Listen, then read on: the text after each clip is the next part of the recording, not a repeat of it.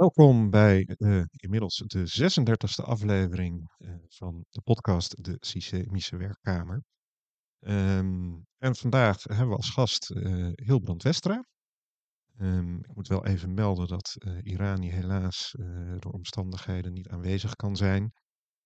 maar hopelijk bij de volgende podcast dat zij weer mee kan draaien.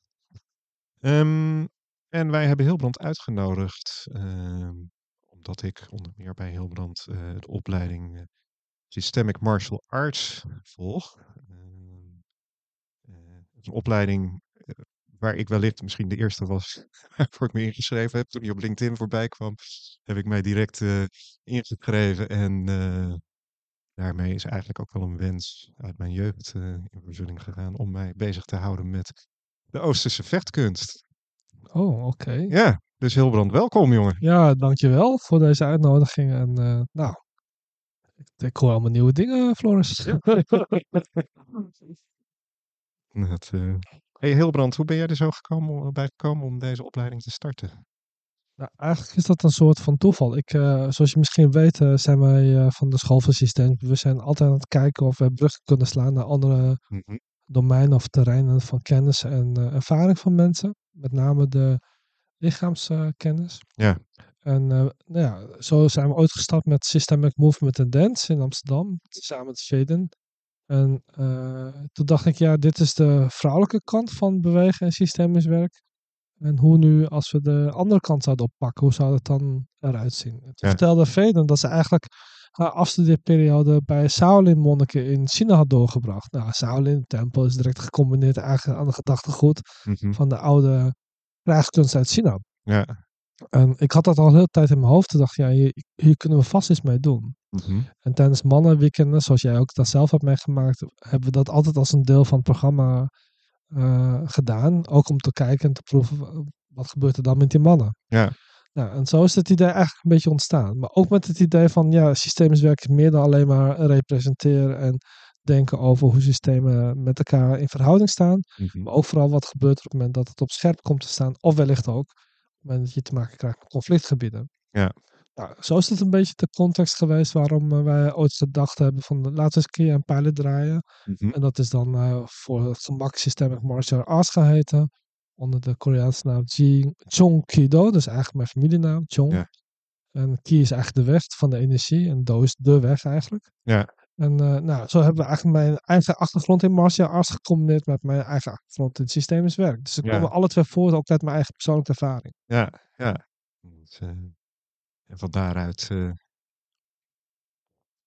En um, als je kijkt naar, naar de martial arts, of in ieder geval, hoe, hoe zie jij dat dan om dat binnen het systemisch werk te gebruiken?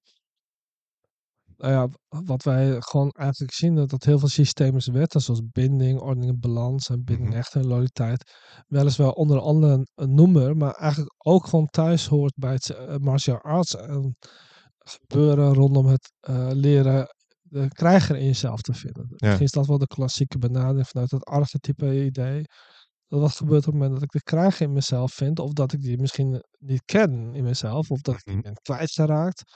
Uh, we leven natuurlijk in een Nederlandse samenleving waar we uh, relatief 50 jaar lang uh, dood zijn gegooid met het onderwerp pacifisme. Ja. Vredelievendheid van de samenleving. Nou, we weten nu zo langzamerhand waar dat uh, naartoe geleid heeft in de wereld. Dat werkt dus niet heel erg goed blijkbaar.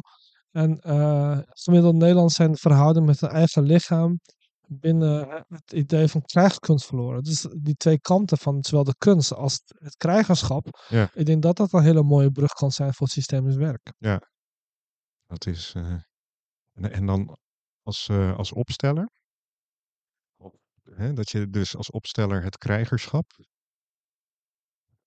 Nou ja, bijvoorbeeld in het opstellingswerk kom je heel veel, tenminste als je in de diepte gaat werken, kom je heel veel dingen tegen die te maken hebben met geboorte, leven en dood. Mm -hmm. En we vinden het allemaal heel prachtig om met geboorte en leven aan de slag te gaan. Bijvoorbeeld rondom met onderwerpen de liefde of partnerrelaties, ja. geboorte van kinderen. Maar we weten allemaal dat we ons moeilijk hebben te verhouden tot het onderwerp als kinderen komen te overlijden of dat relaties uh, worden verbroken of dat relaties komen ophouden te bestaan vanwege een overlijden van een partner. Ja. En dat we eigenlijk nooit werkelijk hebben uh, geleerd vanuit onze opvoedingen en ook vanuit de opleidingen.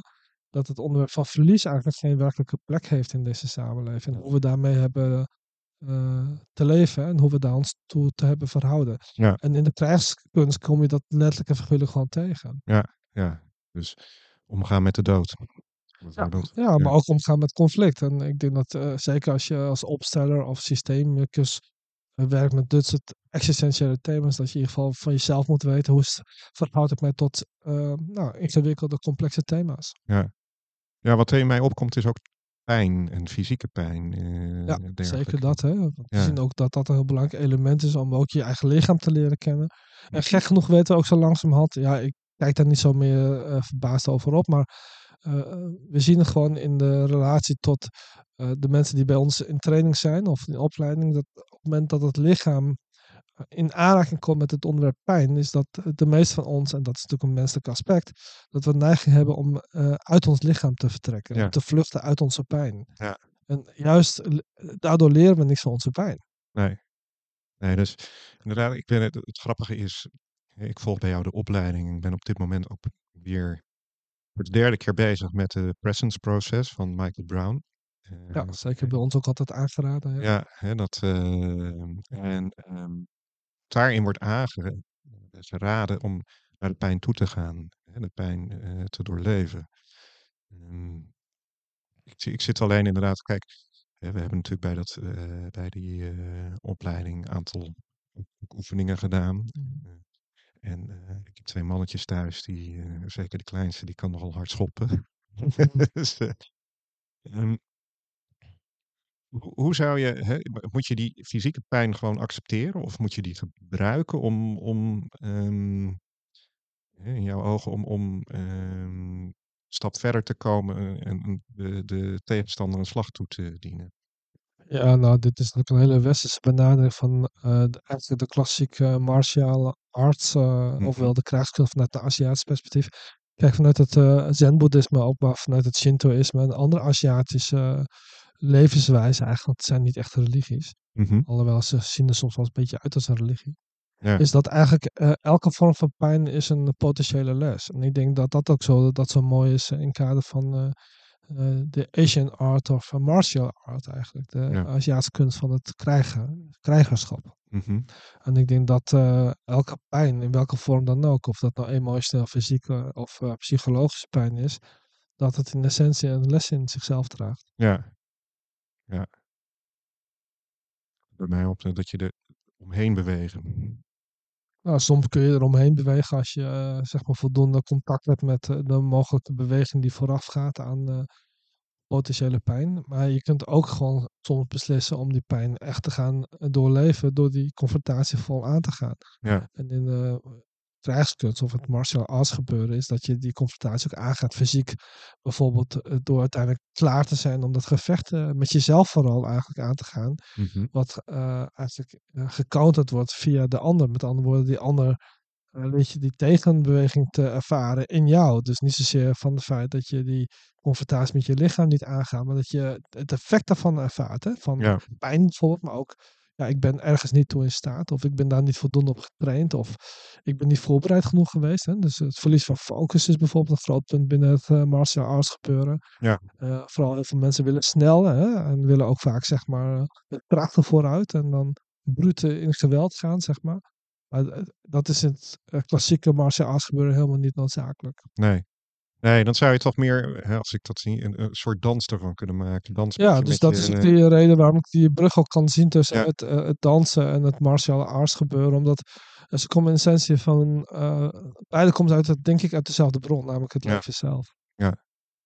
En ergens zijn ze ook alle twee bezig met hetzelfde eindonderwerp, namelijk de dood in essentie. hoe, hoe- hoe heeft dans dan met de dood te maken? Nou, omdat de dans houdt een keer op. Ja. Dus in, in de beweging van de dans zit ook een eindigheid. En alleen, ik denk dat dans eigenlijk zichzelf altijd weer wil eh, reproduceren. Mhm, Omdat het natuurlijk ook iets van schoonheid eh, met zich meebrengt die door de samenleving heel erg wordt gewaardeerd of gewaardeerd kan worden. Ja. En daar zit ook een beetje een pathologisch dingetje achter. Het is namelijk dat eh, mensen die vooral met dans bezig zijn ook weten dat het zeg maar aandacht creëert voor degene die danst. Ja. En dat de samenleving dat eigenlijk waardeert. En ja, als je niet oppast, komt daar natuurlijk ook een soort verlangen en eh, verslaving voor applaus uit voort. Ja. Terwijl in de krijgskunst heb je dat nauwelijks of niet. Nee, dan moet je altijd beducht zijn op de volgende klap. Ja, bij wijze van spreken. Ja, Dus, eh, Ja, Hoezo applaus, hè? ja, Ja. Ik zeg altijd, als je daarop zit te wachten, dan heb je de verkeerde houding aangenomen. Want ja, inderdaad, de kans is groot dat je daarna de volgende klap krijgt. Ja. ja. ja, of kijk, weet je, je kunt natuurlijk de ene keer de overwinnaar zijn en applaus krijgen. En de volgende keer eh, tegen iemand aanlopen die eh, net iets frisser is eh, daarin en, eh, en jou eh, overwint.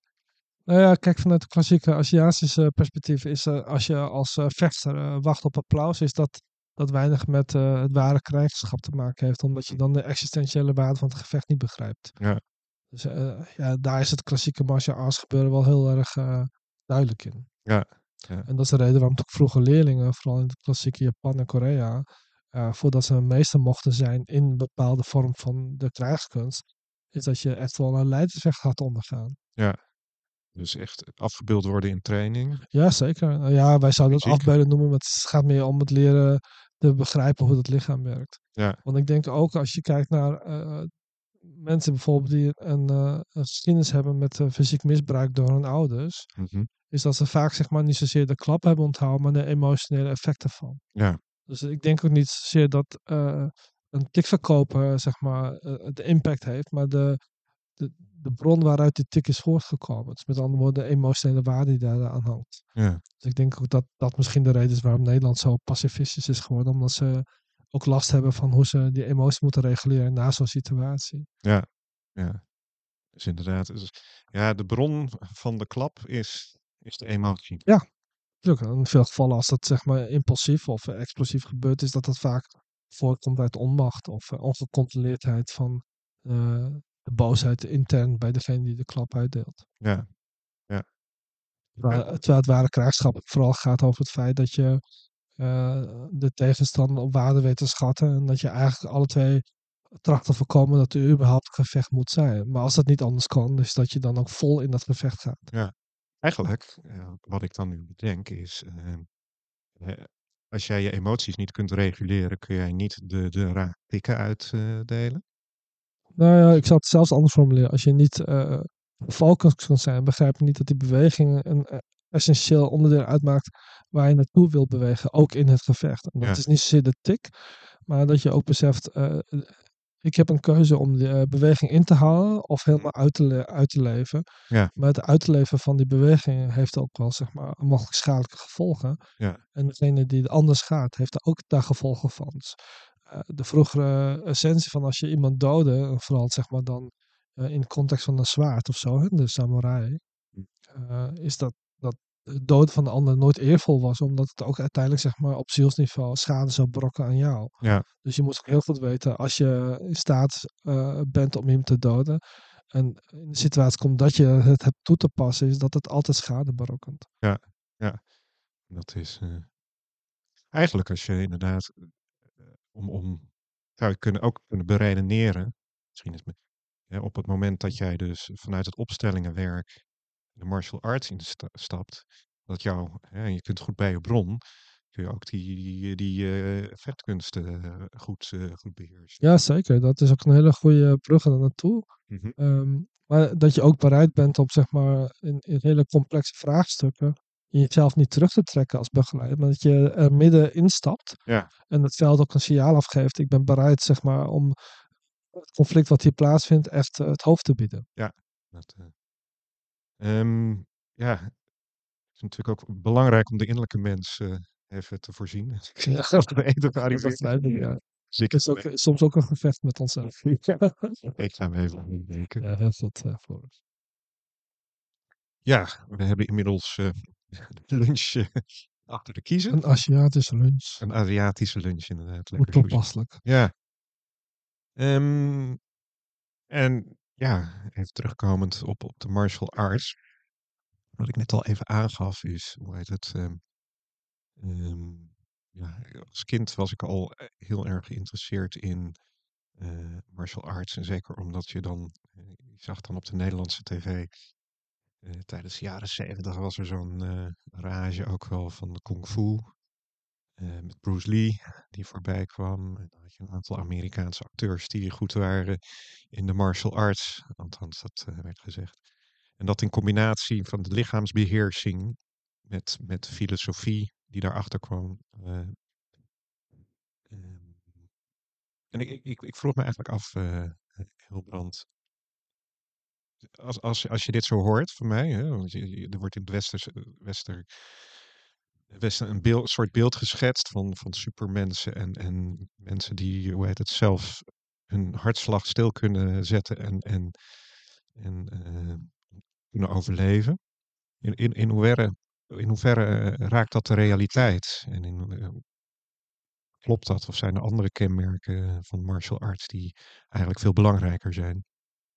Nou, weet je, ik ken dit soort verhalen, maar eigenlijk volgens mij, eh, als je gewoon in de reguliere martial arts eh, omgeving gaat eh, kijken, dan zijn dit soort eh, eh, meer anekdotische verhalen die ver teruggaan naar eh, ehm, mythes en legendes. En Mhm. er zijn enkele voorbeelden inderdaad dat eh, monniken bijvoorbeeld wel een hartslagcoëfficiëntie naar beneden kunnen halen, dat het althans op, eh, op scherm lijkt dat het hart stilstaat. De vraag Ja. is of het echt zo is natuurlijk, maar goed. En eh, je hebt heel veel verschillende legendes, zoals eh Dim-Mak en andere typen van technieken. Eh, ik heb ze zelf nog nooit gezien, om heel eerlijk te zijn. Terwijl ik ook best wel veel heb gezien in, in die wereld. Hm. Ik heb wel opmerkelijke dingen gezien hoor, daar niet van. Maar niet van die hele legendarische dingen die op tv voorbij kwamen. Nee. Nee. Nee. Ik denk dat Bruce Lee eigenlijk het meest dichtbij kwam bij de realiteit. Alleen ik, ik, ik vind het jammer dat hij zo jong is overleden. Hè? De Ja. vraag is of hij eh, werkelijk is overleden of dat hij vermoord is. Dat is nog steeds een eh, Ja. vraagteken. En zijn zoon is ook eh, jong overleden. Ja, klopt. Ook via een ongeluk eigenlijk. Bij hem zou er dan medisch iets aan de hand zijn, zou zijn geweest. Maar ik geloof het verhaal eerlijk gezegd niet zo. Dus ik vermoed dat daar iets meer in het spel is. Ehm, maar wat ik aan Bruce Lee op een gegeven moment interessant begon te vinden, is dat ehm, hij steeds filosofischer werd. Ja. En ehm, eh, dat mensen op een gegeven moment ook niet meer konden volgen vanuit eh, de mentale uitleg van zijn werk. Mhm. Eh, vooral eigenlijk aan zijn lippen hingen als hij het liet zien, wat dat dan inhield in, nou, zoals hij dan Jeet Kune noemde. Hè? Dus een eigen vorm van wushu of Chinese boksen of schaduwboksen, zoals dat Ja. vroeger heette. Ehm, ja, en, en dat te bedenken dat hij eigenlijk vroeger gewoon niet zo'n hele filosofisch ingestelde jonge man was. Want eh, hij kwam eigenlijk uit, de- uit de straat. Hè? Dus eh, Mhm. straatvecht is eigenlijk zijn oorsprong geweest. En heel veel, wat heel veel mensen ook niet weten, dat hij, hij een geweldig goede danser was trouwens. Een eh, goede cha-cha-cha danser. Ja. En nou, daar hebben we hem dus weer. Hè? De dansen en het uh, martiale arts gebeuren. Ja. En uh, ja, ik denk dat dat ook te maken heeft met het feit dat die, die combinatie van die buitenwereld waar hij zichzelf moest kunnen verdedigen. Mhm. Plus het feit dat hij ook tegelijkertijd wel schijnbaar op jonge leeftijd iets met vrouwen had. Ja, dat, dat, dat hem de persoon gemaakt heeft die, die hij uiteindelijk geworden is, die wij uiteindelijk in beeld hebben gezien. Ja. Maar als je zijn uh, reactie uh, in vraaggesprekken ziet en ook zijn, zijn werk leest, uh, dan komt er toch wel een ander beeld naar voren. Ja, ja. Ja, ik kreeg het idee inderdaad dat um, zeker op latere veel meer rust uitstraalde. Ja, ik denk dat hij gewoon zich heeft verkeken op het feit dat, dat de hele media eigenlijk. Uh, ja, ik denk dat hij heel erg verlegen zat om aandacht, maar dat, dat hem dat ook de das heeft omgedaan. Ja. Dus met andere woorden, dat, daar gaan we eigenlijk weer. Dat die, je hang naar die kinderlijke aandacht, zeg maar, dat dat niet heel goed is voor je hart en je ziel eigenlijk. Nee. Nee, ik denk dat je dan weggaat uh, bij jezelf. Het is een beetje zo grappig dat je dat zegt, want uh, toen ik mijn pad begon, uh, en eigenlijk een beetje nou, via Covey bij uh, Think and Grow Rich terechtgekomen. En oh ja. uh, Think and Grow Rich, daar zit echt wel een, een filosofische, spirituele ondertoon uh, bij. Dat ben ik later ook gaan zien. Maar hij werd in dat kader altijd naar voren, voren gehaald. Dat ze in het toetsieboekje kwam voorbij. En dat hij een bepaalde datum had waarop hij 10 miljoen dollar op zijn bankrekening moest hebben. En oh ja. dat hij dat allemaal gehaald had. Hè? Dus vooral bij de manifestatie. eh, Zeker, ja, manifestatie is belangrijk. Ja. En ik denk dat hij daar uiteindelijk later wat, wat verder vandaan is gegaan. In de zin dat hij wel erkent dat dat natuurlijk op een bepaalde manier zo werkt. Maar uh, ja, ik zou zeggen aardser. Als ik, als ik laat. Uh, ehm, dat, dat die, dat hè, ehm, ja, meer, meer wat, je, wat, wat zoals ik het zou zien hè, vanuit mijn Nederlandse, met, met, met de poot in de modder eh, staat. Hm. Heb je het nog steeds over dezelfde Bruce Lee? Of, ehm, Ja, want ik dacht Steve Kofi en... volgens mij, Ja, eh, ja, volgens mij hebben, elkaar, hebben ze elkaar niet ontmoet, maar dat... Nee, eh, nee, nee, maar het is, het is ook een mooi. Ik, ik, ik zie die- mijn, mijn pad dan ook wel wat meer als van, van het hoofd naar het hart gaan. Kofi zie ik Oh ja, wel echt wel. ja. Die zit wel meer in het hoofd dan in het hart eh, op bepaalde punten. Maar eh, hoe heet het? eh, dus, dus, en, en ik denk dat het is ook wel leuk, ja, als je kijkt over hè, dat boekje wat, wat, wat we moeten lezen. Even, even de naam kwijt. In het kader van de opleiding had jij een boekje opgegeven.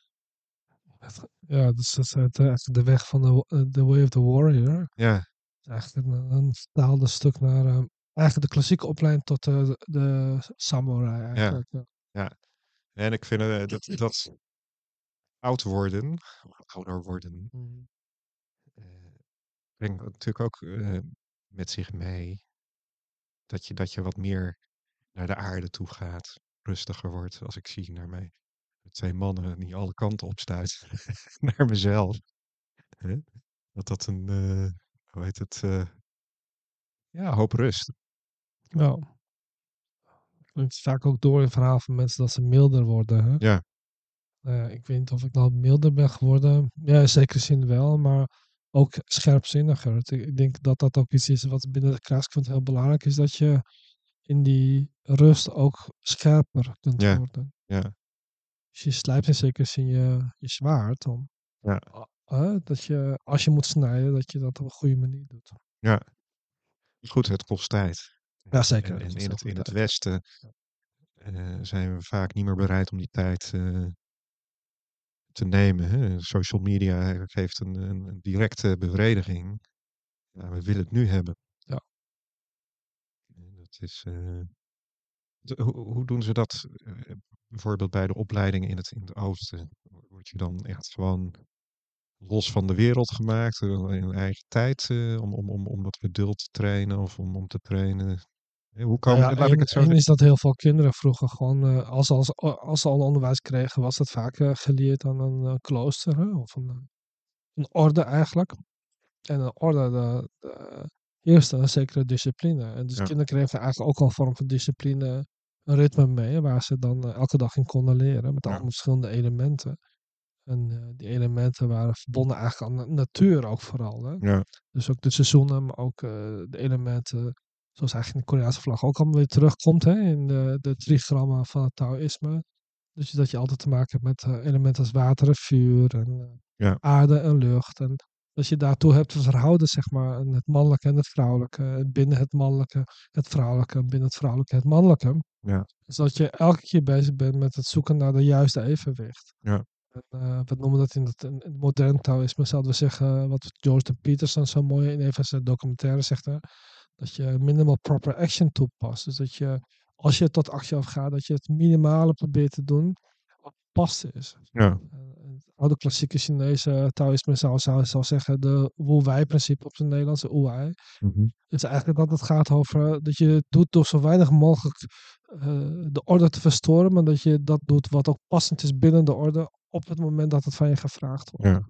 Dus, Dus dat je eigenlijk gaten, gaten is een verkeerd woord, maar dat je de ruimte kunt voelen, ervaren en zien, waardoor jouw beweging tot zijn optimale recht komt. dus eigenlijk, En- de ordening vormt het fundament. Nou, nee, het is een van de fundamenten. Het is, het is, eh, de orde zorgt ervoor dat je begrijpt hoe het werkt ergens. Ja. En, en als je de ordening niet begrijpt in de natuur, nog zeg maar in jezelf, is dat je eigenlijk eh, continu verblijft in een soort van intrinsieke en extrinsieke chaos. Ja.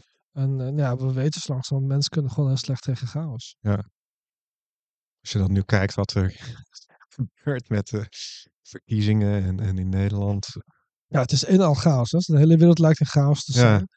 En ehm, ja, ik denk dat dat ook veroorzaakt heeft dat heel veel mensen uiteindelijk zullen kiezen, ook al is het tegen hun eigen natuur in, degene te volgen die uh, ogenschijnlijk de meeste ordening uh, presenteert. Als zijn ja. de, toekomstperspectief van ordening. Ja. Hou vast. Ja, gek genoeg laat geschiedenis elke keer zien dat de partij die een zekere ordening voor de toekomst representeert of presenteert als het perspectief voor de nabije tijd, is dat mensen daar ook op gaan stemmen. Ja. Want daaruit blijkt ook weer dat mensen echt op zoek willen naar rust en kalmte. Uh, en dat mag hoge prijs hebben schijnbaar. Dus dat vind ik ook altijd intrigerend. Dat vooral in Noordwest-Europese landen dat we heel erg vrij willen zijn. Hè? Dus mm -hmm. de individuele vrijheid erg proberen na te streven. Ehm, maar dat, dat we tegelijkertijd ook vinden dat de overheid alle voorwaarden daarvoor moet bieden. Ja. En daarom is de overheid ook een soort plaatsvervangend gezinshoofd geworden. Hè? Dus de individuele mensen in de samenleving moet alles kunnen doen wat hij of zij wil. Uh, en degene die daar zorg voor dient te dragen is dan de overheid. Ja, de overheid moet voor veilige bedding uh, zorgen. Ja, terwijl de overheid eigenlijk dus essentieel uh, per definitie een onveilige context biedt voor de samenleving. Omdat ja. De overheid is er niet zozeer om de individuele mensen te helpen, maar het collectief als geheel maximaal te kunnen laten presteren. En dan is ja. de vraag, waar wil de overheid dan dat, die dat dat collectief maximaal presteert? Nou, volgens mij gaat dat niet over individuele vrijheid. Nee. Nee, dat is inderdaad, er zit wel een spanningsveld in. Ja, het is een heel complex spanningsveld. En ja. uh, als je dat van jezelf niet weet hoe dat werkt, dan kun je daar heel moeilijk van houden. Dat is een van de dingen die wij echt wel uh, meebrengen in deze leergang. Dat je, als je weet waar je zelf voor staat, of waar, waar je voor wilt staan en waar ben je van. Dat je ook bewust bent, ik ben gebonden. Dus dat is ook zeg maar de maximalisering van je kunnen aan de persoon die ik ben. Ja. Dus via het waarschijnlijk via mijn lichaam. Dat is een bindingsprincipe. Ja. Uh, in die binding zit een bepaald ordeningsprincipe. En dan is de vraag in hoeverre kun je die binding en de ordening hanteren. Dat het zowel goed voor jou is als voor de samenleving. Ja. En als je dat kunt leven, dan voel je ook waar je toe in staat bent om te geven. En wat je daarvoor terug nodig hebt. Hè? Dus eigenlijk het geven-nemen principe binnen het uh, systemisch werk. En dan ervaar je de intrinsieke en extrinsieke balans. Dat wat in jou tot rust en kalmte kan komen. En hoe je dat kunt gebruiken als bijdrage voor de samenleving. Ja. Wat er dan uh, opkomt is dat er inderdaad er, er ontstaat veiligheid. Ja, dat is interessant hè, dat we met dat, dat, dat effect uh, sorteert. En dat is heel, waar heel veel mensen niet bij stilstaan. Nee, kijk, het is, je weet wat je eraan hebt. En, en um, wat ik wel ervaar in, in uh, de huidige samenleving, ja, iedereen is even belangrijk. En iedereen moet zijn eigen dingetjes kunnen doen. Maar goed, hè, waar de een de, de, vrijheid begint, eindigt die van de ander. En daar moet je toch een soort ordening en ruimte in aanbrengen om te kunnen bewegen. Ja, en dat betekent dat je bereid moet zijn tot opoffering. Ja, afzien van bepaalde dingen. Ja, ja kijk, als er een situatie is waarin ik zal uh, ervaren dat, dat, dat jij iets heel goed kan en dat je daarmee zeg maar een maximale bijdrage kan leveren aan de omgeving, dan zou voor mij dan het signaal moeten afgaan. Dan heb ik mijzelf in te houden in ja. die context. Ja. Om jou dat te kunnen laten doen. Ja. Ja, en dat is iets wat niet erg in de Nederlandse cultuur zit. Nee, ik vind dat zo mooi als je kijkt naar het onderwijs. Ik, ik weet niet, heb jij de documentaire Down to Earth uh, gezien? Ja, ik denk het niet. Zijn uh, een, een, een, paar wat met kinderen van de wereld is gaan rondrijden. Oh, ik heb er iets van gelezen, dat ja. wel. Ja. En wat mij daar heel sterk in trof was, dan komen ze bij de Aboriginals. Um, en die vertelden hoe dat dan werkt. Hè? Die, de, zeiden, de mannen gingen op jacht en de vrouwen die bleven met de kinderen. En de vrouwen die uh, keken dan welke, welk talent heeft welk kind. En die worden op gestimuleerd. Hè? En um, uh, op die manier krijg je dus een soort beweging dat iedereen zijn sterkste kant laat zien. -hmm. In het kader van het collectief. Mm. Dus uh, dat. Uh, even, de, even de adapter op aan. Uh.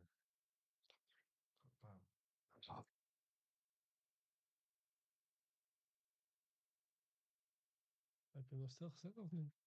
Nee. Loopt het nog door? Ja, we moeten even wat energie in de laptop brengen. Lang, dus... lang leven de techniek. Ja, ja, ja, ja. ja. en dames en heren, blijven aangesloten. We gaan het zo oplossen. Ja. Maar goed, het is inderdaad, hè, wat, wat dat betreft, ordening.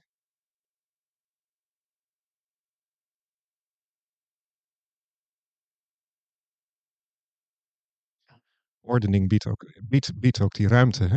Op het moment dat dat. eh, dus eigenlijk als je kijkt vanuit het schoolsysteem, wat mij ook heel chaotisch overkomt, zou dat natuurlijk eh, een mooi principe kunnen zijn.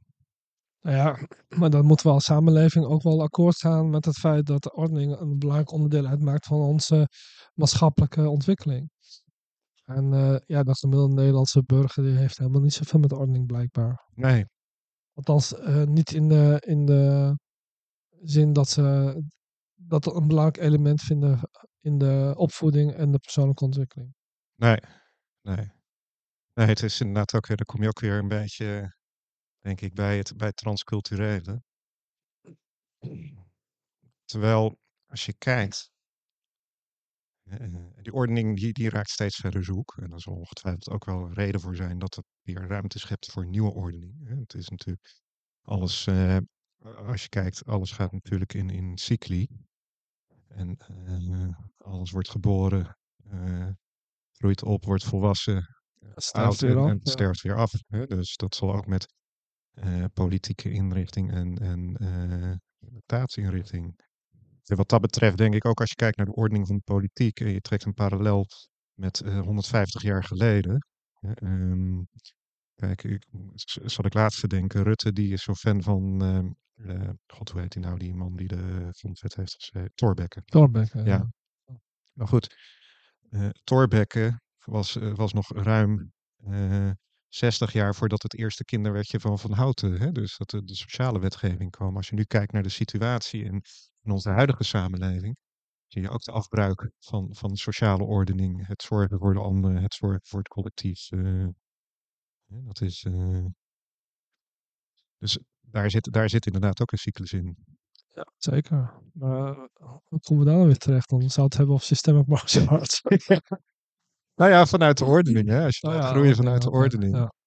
kan, kan, kun- kunnen wij hier dan in, in eh, Nederland leren als die ordening eh, enigszins eh, afwezig is, of misschien wel heel afwezig, om inderdaad de pijn te accepteren, de dood te accepteren, de, de, de, de, natuurlijke ordening van, die we net noemden, geboren worden, opgroeien, volwassen, oud, sterven. Hè? Dat is, dat, dat, dat, ik heb het idee dat we ons daar wel eens eh, boven plaatsen. Ja, dat is eigenlijk sinds eh, de 18e eeuw, sinds de verlichting eigenlijk eh, is opgekomen in, in, in Europa, is dat natuurlijk wel steeds meer de overhand gaan krijgen. Ja. Het heeft in die zin ons niet echt verlicht, moet ik zeggen. Nee. Dus, de vraag is of het dan een hele goede ontwikkelingsperiode geweest is, los van het feit dat het ons geleerd heeft dat het individu er ook toe doet. Mhm. Daar zeg ik ook volmondig ja op. Maar niet alleen maar het individu. nee, nee. Dus dat is een beetje doorgeschoten. En dat is natuurlijk binnen systemic martial arts iets wat je wel heel erg leert. Dat je eerst zeg maar de, de bron van kennis en ervaring hebt te volgen voordat je überhaupt zeg maar op die plek kunt staan. Ja, En dat is wat je natuurlijk ook zag in de leergang hier van systemic martial arts. Dat nou ja, pak hem weg de helft, misschien zelfs meer de helft, grote moeite had om zich te eh, verhouden tot de gestelde ordening. Dus niet de vrije keus te hebben, maar dat ze hebben op te volgen wat hen wat ze instrueert. ja, ja. Nou, ik vond het, ik, persoonlijk vond ik het wel prettig, die ordening. Zeker de oefening waarbij je dus eh, ehm, eh, ja, de dans van het leiden en volgen. Hè. Als je kijkt naar de rijen, de voorste rij is verantwoordelijk voor de rij daarachter. En die rij is dan weer verantwoordelijk voor de rij daarachter. Je wel het gevoel dat iemand, hè, eh, dat your back. Hè, het, is, het is, je staat niet alleen voor. En, en, en hoe heet het? eh, we zorgen voor elkaar. Ja. En ik denk dat als je kijkt uh, maatschappijbreed, zou dat natuurlijk eh, een mooi iets zijn eh, in onze huidige maatschappij. Ja, ik maak wel eens een grapje. Vroeger had je zo'n uitspraak, hè? ieder voor zich God voor ons allen. Ja. Maar ja, nu God volgens heel veel mensen niet meer bestaan, is het ieder voor zich. Ja, Wat voor effect heeft dat dan wel niet? ja, ja, Want als, als, als ik alleen voor mezelf sta en jij staat alleen voor jezelf en ieder voor zich betekent eigenlijk, nou, het maakt niet uit eh waarvoor leven. Want eh, ik heb gewoon voorrang, punt. En jij Ja. hebt voorrang op jouw manier. Ja. En als dat botst, wordt het gewoon een soort eh, gevecht tussen wie is de sterkste. Maar dan niet meer fysiek, maar vooral mentaal. ja, Dat zie je natuurlijk ook. In jouw vakgebied is het natuurlijk ook enorm, denk ik. dat ja, de, de westerse wereld is enorm verjuridiseerd. Ja, ja. Het gevecht is verplaatst naar de mentale slagveld in plaats van zeg maar de fysieke kant. Ja. En dat komt omdat mensen gewoon liefst gewoon persoonlijke verantwoordelijkheid willen. Nee, nou ja, nu je dat zo zegt, ik, ik, ik ben gestopt met het kijken naar het sportje, naar de politieke sportjes. In, hè. We hebben over, vol- volgende week hebben we verkiezingen. Ja. En ik heb het idee dat ik alleen maar naar een soort robots zit te kijken. Hè. Van, eh, ineens zit iedereen bij de gehandicapte medemens en oh, er moet voor gezorgd worden. En Ik snap niet dat mensen daar nog steeds instinken. Ja. Of de politici denken dat dat voor een grote massa nog werkt. nou ja, ik denk dat een heel groot deel heel erg in hun hoofd zit. Ja, maar de politici kunnen, ze, de politici kunnen dat nog steeds maken vanwege het feit, schijnbaar, dat een deel in de samenleving hier nog steeds ook aan hangt. Ja. Dus ik denk dat het ook een wisselwerking is van geven en nemen in zekere zin. Maar ja, een, een gemiddeld beetje intelligent mens, die zou toch moeten begrijpen dat, ja, dat dit gewoon alleen voor de bühne is en niet voor de inhoud. Ja. Nou ja, het gaat om belichaming. Hè? Ik liever dat ze hun afspraken nakomen Ja. in een eh, zittingsperiode. Als ze dat nou eens met z'n allen zouden doen, ongeacht wat mensen er zouden van vinden, dan worden partijen eh, eigenlijk eh, betrouwbaar. En dat is iets wat je in systeemmarges ook terugziet. Dat als je in hogere graden beweegt, dus zeg maar Mhm. de, de zwarte banden zijn hoger, Ja. is dat de verantwoordelijkheid ook groter wordt. Ja. En, en, en, en dat de lagere banden daar ook op eh, zeg maar mogen aanspreken. Want het feit dat als jij hoger in je rang staat of zit of vecht, Hm. is dat je verantwoordelijkheid hebt voor de lagere banden. Nou ja, dat is inderdaad, hè, kijk, dan komt het met belichaming van, eh, eh, inderdaad, belichaming van de ordening. Een belichaming van je eigen principes. Ik vind het ook heel verbazingwekkend dat je dus enerzijds in de politiek zit om bepaalde belangen te behartigen en vervolgens overstapt naar een of andere commerciële lobbyclub om, om eigenlijk haaks wat, wat, wat staat op, op, op hetgeen wat je, wat je eh, eh, eh, naar buiten bracht. eh, eh, ehm, eh, te gaan, te gaan behartigen. Ja, maar dan wil ik het toch gewoon terugbrengen naar het, in hoeverre verhoudt zich dat tot systemic martial arts. Hè? Dus Mhm. als je, als je politiek ziet als een soort slagveld, of in ieder geval de, de tantami-mat, hè, dan is de vraag, eh, gaan we er heel veel praten of gaan we dan ook in het gevecht? Ja. En wat je de politiek vooral ziet, is dat al die mensen vooral mentaal in het gevecht gaan. En ja, weet je, je kunt eh, mentaal vechten tot je erbij neervalt. Maar er is niks opgelost in de tussentijd. Nee. Kijk, en in principe wat er op de, op de tentamen gebeurt, of eh, de, de, de mat, is eigenlijk de essentie. Als je verliest, verlies je. Punt. Ja. Ja. En dat kun je niet leuk vinden, maar dat, is wel, dat zijn wel de regels van het spel. Ja. En eh, als je daar niet bij neerlegt, ja, dan gaat dat meer pijn doen. Want de tegenstander die eh, slimmer of sterker is dan jij, die leg je dan opnieuw zeg maar neer. Ja, net zolang dat je niet meer opstaat. Ja, net zolang dat je of afklopt of dat je niet meer opstaat. Ja. Dus, die natuurwetten zijn wij zo verleerd in het eh, moderne Westen, dat we eigenlijk denken, ja, het, het heeft toch ook gewoon geen consequentie. Ik kan praten tot, eh, tot ik een ons weeg, want het heeft totaal geen consequentie. Ik denk, Nee. ja, en, en daarmee creëer je ook een wereld die eigenlijk ook eh, geen consequentie wil dragen. Nee. Nee. Kijk, hè, verantwoordelijkheid is, is iets, ja, dat ligt vooral bij de ander. Nou ja, dat heb ik, dat, wat ik al jullie ook eens heb uitgelegd, hè, dat de, politiek is echt een feminine verschijning. Mhm. En eh, het heeft zich versterkt eh, naarmate de Nederlandse cultuur eigenlijk ook zich feminin is gaan gedragen. Het valt over alles te onderhandelen, maar niemand wil verantwoordelijkheid. En dat is Nee. ook een heel interessant fenomeen. Ja. Terwijl in het systeem arts leer je juist ook, ja, eh, je ontkomt niet aan je verantwoordelijkheid. En neem je verantwoordelijkheid. Ja. En, En als je die niet neemt, krijg je hem automatisch vanwege het feit dat de hoge banders of de meeste voor de groep gewoon aangeeft dat je die verantwoordelijkheid hebt. Punt. ja. Ja, ik vond inderdaad ook wat, wat je in, een- in het boek leest ook. Hè, de, eh, een tik krijgen gewoon om eh, even op je plek, eh, dat je je plek voelt. Ja, zeker. Dat, dat is... mag in Nederland niet meer, maar toen ik zeg maar een externe workshop in Korea deed, zeg maar de gecombineerde vorm van martial arts in Ko- Zuid-Korea, heel lang geleden alweer, mhm. was het heel gewoon dat, dat, de, dat de drie meesters rondliepen met een soort, eh, nou het is geen zweepje, maar wel met een eh, soort eh, bamboestok. Ja, En dat ze ook leerden dat je houding zeg maar anders moest. Eh, ja, dat kun je niet vertellen, dat moet je voelen. Dus wat zij deden is dat ze bepaalde lichaamdelen tikten ze dan, zeg maar. Soms ook wel stevig. Dat, Ja. dat als je niet goed oplette, deed het inderdaad wel eens pijn. Zeker als de bovenkleding uit was in sommige dagen. Ja.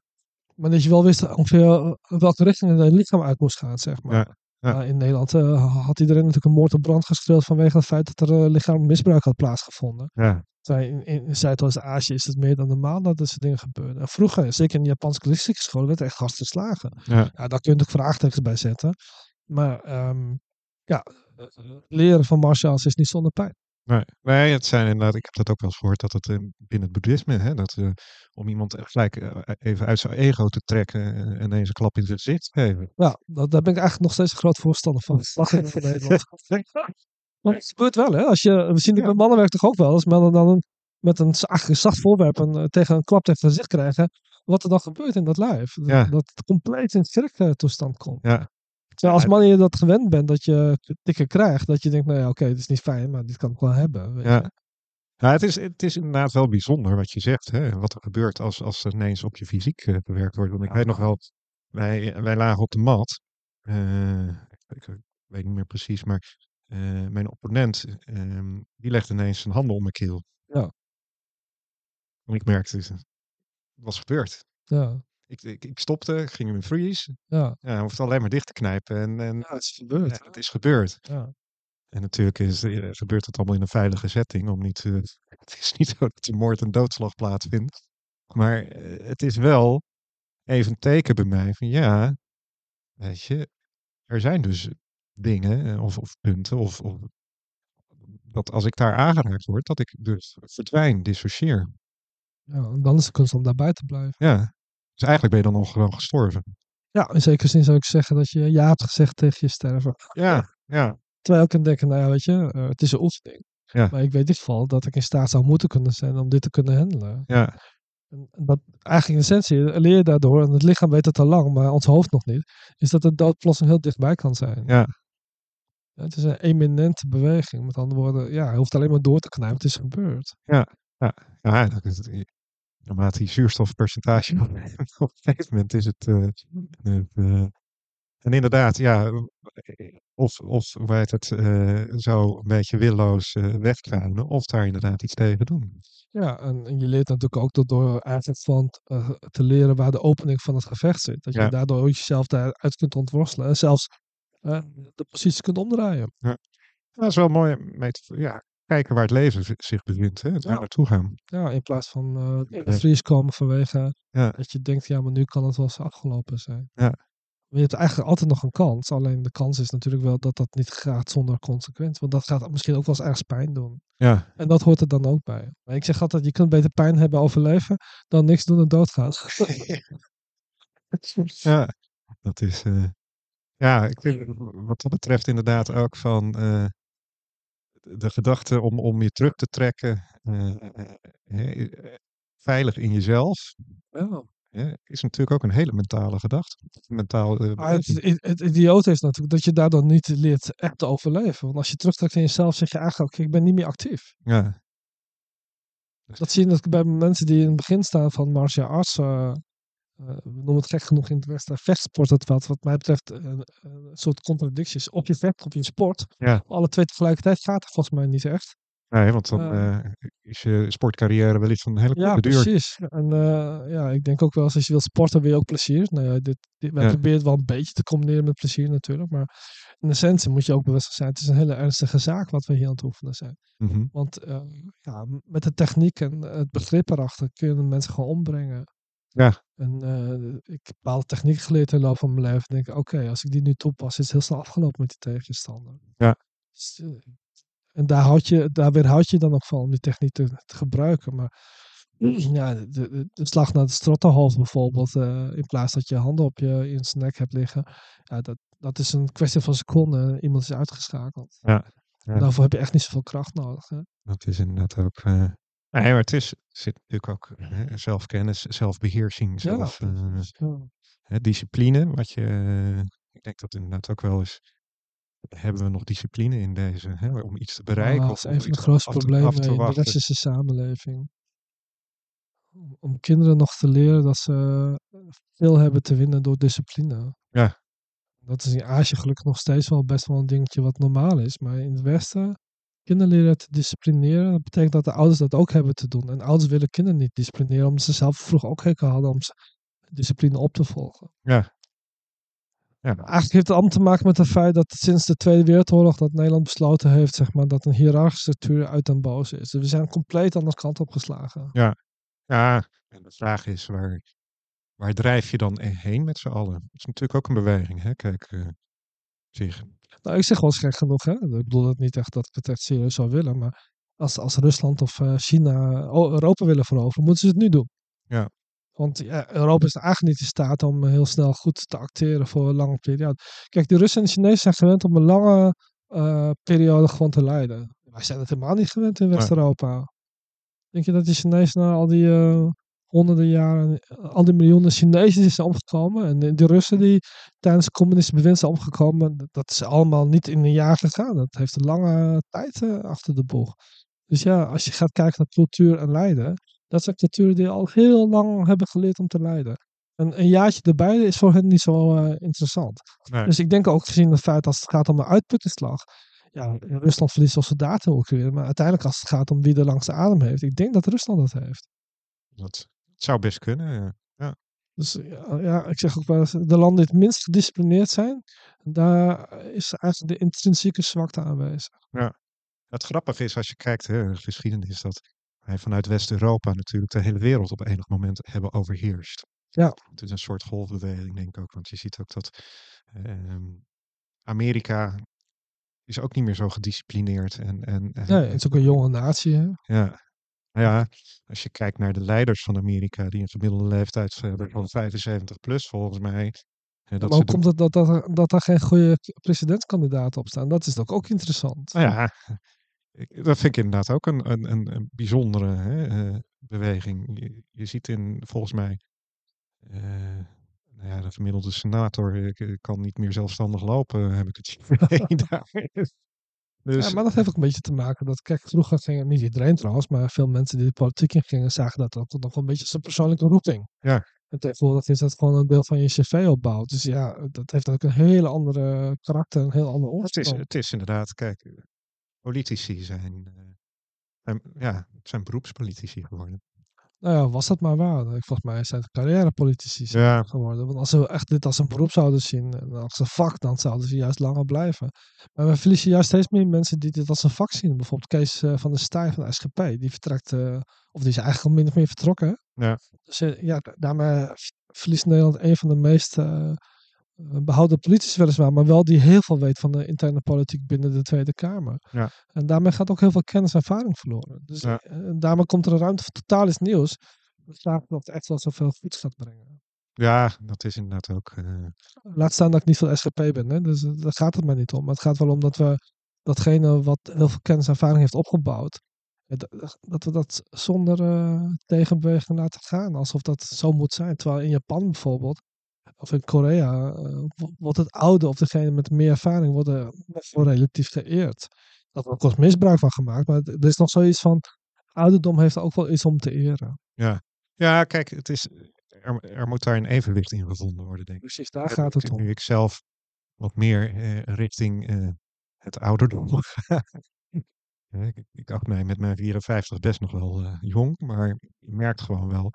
Ik heb, ik heb een veel rustiger kijk op de wereld dan de jeugd. En ik denk, en ik merk, ik word ook wat behoudender. Ja, gek genoeg hè. Ja, ja. Maar Dat zien we ook altijd als een beetje curve. Naarmate je oud wordt, word je altijd iets conservatiever over het Ja, algemeen. ja. dat is, neem niet weg dat ik de jeugd alle ruimte wil geven. Ik denk alleen dat het, ehm, je moet een evenwicht daarin. Hè? En, en wat je bij de jeugd ziet, eh, eh, word je uitgemaakt voor boemer. Ja. Ik maak daar zelf eens een grapje over als ik iets zeg tegen jonge mensen. Zeg nou, luister even naar deze boemer. Ja, maar wij zijn, wij zijn te jong om boemer te zijn. Hè? Eigenlijk wel, hè. Maar ja, Ja, volgens mij is dat echt, eh, echt eh, 60 plus is toch? ja, ja, ja, de 60-plussers eh, vlak na de oorlog. Ehm, En hoe heet het? eh, kom eens om raad. Hè? De, de, de, oud en wijs, dat is toch iets wat, wat ik denk van dat we daar eh, te weinig bewust van zijn. Ja, dan moet ik wel zeggen dat ik heel veel oude mensen hele rare dingen hoor uitkramen. Dus ik weet niet of dat gelijk op gaat, maar goed. Ja, Eh, het gaat, wel om dat er in ieder geval meer levenservaring in het Ja. lijf zit. Hè? Daar gaat het over. Dat is wel grappig. Ik hoorde gisteren een, een, een, eh, podcast met uh, Bram Bakker. En die zei ook van ja, eigenlijk wil je psychische hulp gaan bieden. Moet je eerst geleefd hebben. En uh, eigenlijk ben je pas geschikt vanaf het, een, een, leeftijd van 40 jaar. Ja, ben ik helemaal met hem eens. En dat doe ik me denken inderdaad aan het voorbeeld van mijn moeder, die net haar zoon verloren was. En bij de praktijkondersteuner van 23 komt, die zegt van ja, u zult er toch mee moeten leren leven. Hè? Dan denk ik ook van ja, ja, ik vond het ook heel raar, want ik heb uh, toen in mijn studententijd ben ik was naar een studentpsycholoog geweest of iets dergelijks. Uh, mm -hmm. niet meer hoe ze dat toen heette.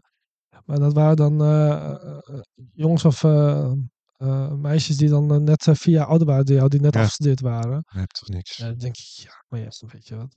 Echt, je, je snapt er helemaal geen snars van, dacht ik. Ja. Toen. Dat zit inderdaad ook, hè, als je kijkt naar ordening. Ehm, bij, ik zie bij het hockeyteam van mijn zoon is de trainer, die is ook drie jaar ouder geloof ik, of vier jaar ouder dan, dan die mannetjes, die pubers. Ja. En dan zie je dat, ja, ik wil erbij horen, ik wil er niet bij horen, ik moet er eigenlijk boven staan, ik moet er niet boven staan. En, en ook daar zit natuurlijk heel op die ordening van, ja, je hebt te luisteren naar je coach. Ja. dat is inderdaad ook wat ik tegen mijn zoon zeg. Als zeg je dit en dat en zo en zo. Ja, je hebt de scheidsrechter en je hebt je coach. Ze hebben gewoon gelijk. Ook al hebben ze geen gelijk, ze hebben gelijk. En dat geeft gewoon helderheid. Ja, dat, dat sowieso. Maar ja, dan hebben we het ook altijd weer geleerd. Maar mijn stem doet er ook toe. Ja. Dus dat uh, merk ik ook in verschillende methodieken en aanvliegroutes. Ik was gisteren toevallig op de kazerne in Apeldoorn. Dat was er een nieuwe methodiek. Nou, volgens mij is de wijze waarop het gepresenteerd wordt misschien wel nieuw, maar de inhoud niet echt nieuw. Nee. En toen dacht ik ook, ja, maar wat je nu eigenlijk vertelt is dat mensen volledig moeten leven naar hun eigen wil. Hm. Terwijl ik denk, één, weten heel veel mensen vaak niet eens wat hun eigen wil is en waar het geblokkeerd is. Laat staan of dat een hele goed advies is in het kader van uh, het weer uh, toevoegen aan de samenleving als een kwaliteit. Want uh, kwaliteit samenleven betekent ook dat je soms dingen hebt in te leveren van je persoonlijk belang. Ja dat gaat niet altijd om jou als één persoon. Ja. Dat zie je in systemisch werk natuurlijk terug, maar dat is ook wat uh, via het systemic martial arts probeert te leren. Dat je eerst hebt te volgen voordat je gaat leiden. Ja. En als je dat niet le leert, dan leer je het leiden ook nooit goed. En ik denk dat dat het grootste probleem is in organisaties. Dat heel veel zogeheten leiders daar eigenlijk helemaal niet goed kunnen leiden omdat ze zelf nooit hebben gevolgd. Of dat ze überhaupt niet begrijpen wat volgen betekent. Laat staan dat ze überhaupt weten wat uh, leiden met een korte ei uh, betekent. Ja. En zodra het leiden met een lange ei opkomt, is dat dan iedereen wegrent. Want niemand wil daar de verantwoordelijkheid voor. Dan denk je, ja, wacht even. Uh, dat gaat natuurlijk niet. Als je leidt met een korte ei, moet je ook bereid zijn om te leiden met een lange ei. Ja.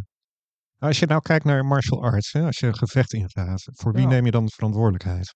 Neem je dat voor de, voor de groep, voor de ordening, voor, voor jezelf? Waar, waar zit hij daar dan? Voor wat je zegt, maar ik ben benieuwd wat, wat je daar exact mee bedoelt. Nou ja, je gaat daar staan. Ja. Hè? Ehm, je- staat daar om een reden, je bent daar om een reden terechtgekomen. Ja, zitten we in een wedstrijdverband of zitten we in een daadwerkelijk gevecht? Nou, je zit in een daadwerkelijk gevecht. Oké, hè? dan gaat het om lijfsbehoud, hè? Ja. Dat is heel duidelijk. Dat gaat over overleving. Ja, dus dan neem je verantwoordelijkheid voor jezelf. Ja, neem je verantwoordelijkheid voor jouw leven. En als je nou de leider van een groep bent, Dan neem je verantwoordelijkheid voor de groep.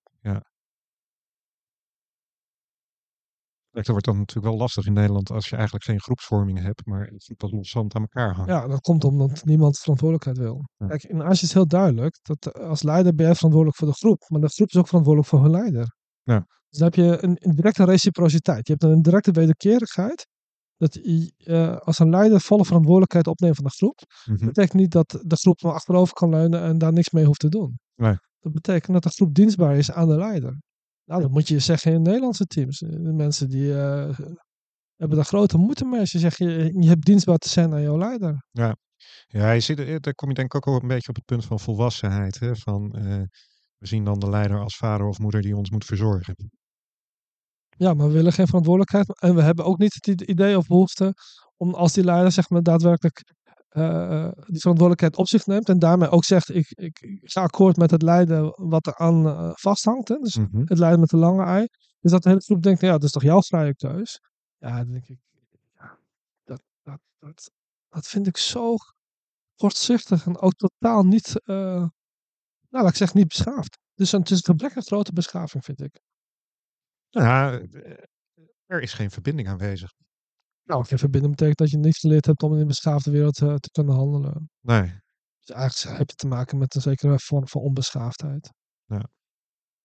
Ja, ieder voor zich. Ja, ieder van zich. En er is geen God, dus dat betekent, nou, het is jouw of mijn leven. Ja, en dan is inderdaad, als je kijkt eh, hè, naar de krijgskunsten kijken, verdeel en heers is erg makkelijk, want eh, dat, dat zit impliciet al in het systeem.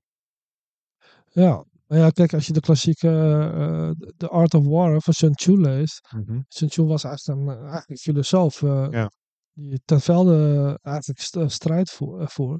Maar omdat hij nadacht over de menselijke betrekkingsniveaus en hoe mensen reageren in een bepaalde context, daardoor heeft hij ook zeg maar, zijn strategieën kunnen ontwikkelen. Dus hij dacht ja, tien stappen vooruit. Dat is wel een, gro- een groot zaken in zeker. Ja, Maar wat ik intrigerend vind aan zijn eh, filosofie is dat hij in heel veel gevallen een hele humanistische visie erop nahoudt. Dus dat Ja. gaat er echt niet alleen maar om eh, strijden en doden van je tegenstander.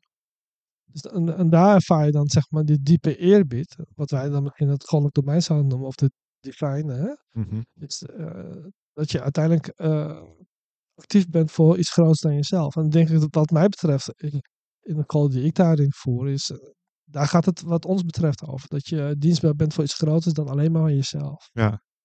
Dus dat ik dienstbaar aan jou wil zijn, omdat ik via jou bijvoorbeeld de liefde kan ervaren. Of dat ik Iran dienstbaar wil zijn, omdat ik wil dat zij tot haar volle kwaliteit kan komen. Omdat zij het beste kan laten zien voor de samenleving. Ja. Dus de- dat betekent dat op het moment dat dat speelt, dat je je terugtrekt op de voorgrond voor degene die op dat moment op de voorgrond staat. Ja. Daar ben je dan dienstbaar aan.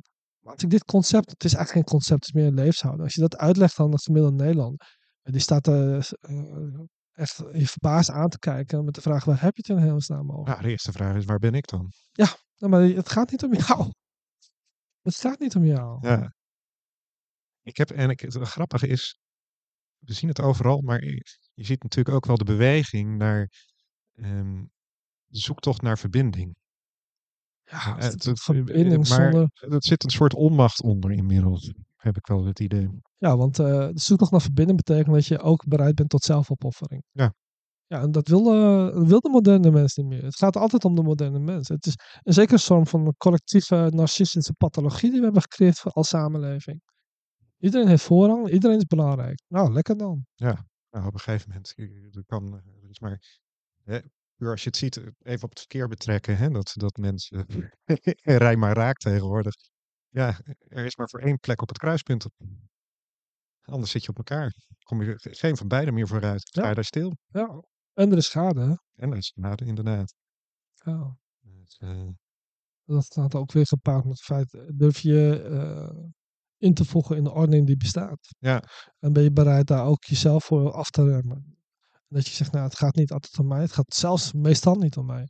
dat is. eh, Zo, ik, ik zit te denken, ehm, als je kijkt naar ehm, lichamelijk onderwijs op de basisscholen bijvoorbeeld. Zou, zou het mooi zijn om daar gewoon één uurtje per week een soort martial arts oefening Ja, ik ben een groot voorstander van eh, om dat wel te doen. Maar ja, het past niet in het Nederlands denkmodel als het over onderwijs gaat. Ja, ja, dan zijn we met het lichaam bezig. En dat vind ik ook een interessant fenomeen in Nederland, of in het Westen vooral. mhm, Dat het hele context van het, het lichamelijke onderwijs, hè, in, in, in onderwijs, eigenlijk alleen gericht is op sport. competitie. Ja, competitie. Waar ik denk, het is zoveel meer. En het zou zo goed zijn voor kinderen, zeker jonge kinderen. In ieder geval vanaf een, eh, laat ik zeggen, vanaf een zevende tot een 21ste. Gewoon elk, elke week Hm. lichamelijk onderwijs te hebben. Ja.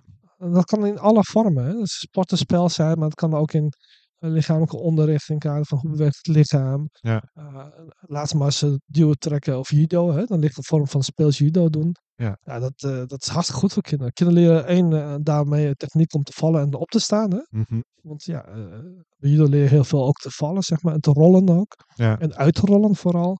Dat zou heel goed zijn als je bijvoorbeeld ten val komt, dat je in ieder geval minder blessures zou hebben. Alleen, daarom zou je het alleen moeten willen. Het is goed voor de weerbaarheid. Nou ja, en, en ik denk ook dat kinderen op scholen daarmee ook leren van wie van hen in de klas eh, het sterkste is. En dat je daar, daar naartoe hebt te verhouden. Maar dat de sterkste in de fysieke kracht of fysieke slimheid Mhm, ook eh, iemand na, naast zich nodig heeft die slim is. Ja. Dus eh, en daarmee integreer je zeg maar zowel fysieke kracht als mentale kracht. En dat het een niet minder is dan het ander. Nee, en dat is ook wat in, in het Aziatische veld veel meer gewoonlijk is om te doen. Ja. Dat is. eh Hey, ik zit dus een beetje naar de klok te kijken. Ja, ik We zijn een uur aan het praten. Nou, Zijn er nog dingen die jij eh, graag naar voren wil brengen? Waarvan je denkt, nou, dit, is, eh, de, eh, dat hebben we nog niet besproken en dat vind ik wel eh, belangrijk. nou, ik heb natuurlijk al een paar keer het onderwerp eh, het, lijden genoemd met de lange ui. Mhm. En eh, dat is een beetje waar we het mannenwerk, zoals jij weet, ook wel een beetje op focussen. Dat, eh, ik denk dat het heel belangrijk zou zijn dat eh, jonge mannen, maar ook vooral volwassen mannen, leren om hun lijden op te nemen. Dus dat ze er niet wachten totdat een, eh, op een pad komt, waar Ja. ze op dat moment geconfronteerd worden met het lijden, op welke vorm dan ook. Of in welke vorm dan ook. Maar dat ze ook bewust zijn, als het lijden daar is, dan heb ik dat te nemen. Ja. Dat is mijn last die ik heb te dragen. Mhm. En eh, dat kun je makkelijker op het moment dat je zeg maar fysiek, mentaal en eh, emotioneel Ja. gewend bent om die strijd aan te gaan. En Ja. ik denk alleen dat daar alleen al om dat het systeem of martial arts een hele goede leerschool kan bieden. Ja. Om, omdat je dat ook niet alleen met je, met je hoofd leert, maar ook je fysieke kant leert. Omdat je ook leert, hé, waar ben ik wel toe in staat en hoe is mijn reactie als ik pijn onderga? Of het gevaar van, van wellicht een eminente dood. Ja. ja, de confrontatie met jezelf. Ja, de confrontatie van het feit dat iemand bovenop je ligt met zijn hand Ja. op je keel. Ja. Eh, omdat je dan niet meer bevriest. Dat je denkt, nou, ik heb nog tien mogelijkheden om er onderuit te komen. En zelfs met een beetje slimheid en snelheid kom ik er bovenop in plaats van onderop. Zoals je dat zo zegt, het, het bevordert ook eh, creativiteit. Ja, zeker, zeker voor het brein. eh, want we Ja. zien gewoon ook in hersenscans dat mensen die dat, dat doen, Mhm. dat die ook flexibeler worden in hun denkkracht. En Ja. dat ze ook andere opties zien. Hè? Dus mensen die gewend zijn om fysiek creatief te zijn, Mhm. dat ze ook mentaal en emotioneel creatiever zijn. Ja. Dus het heeft zo'n in- impact op het gehele bewustzijnssysteem van de mens. Dat ik eigenlijk denk, ja, waarom zouden we dat niet allemaal moeten willen? Ja.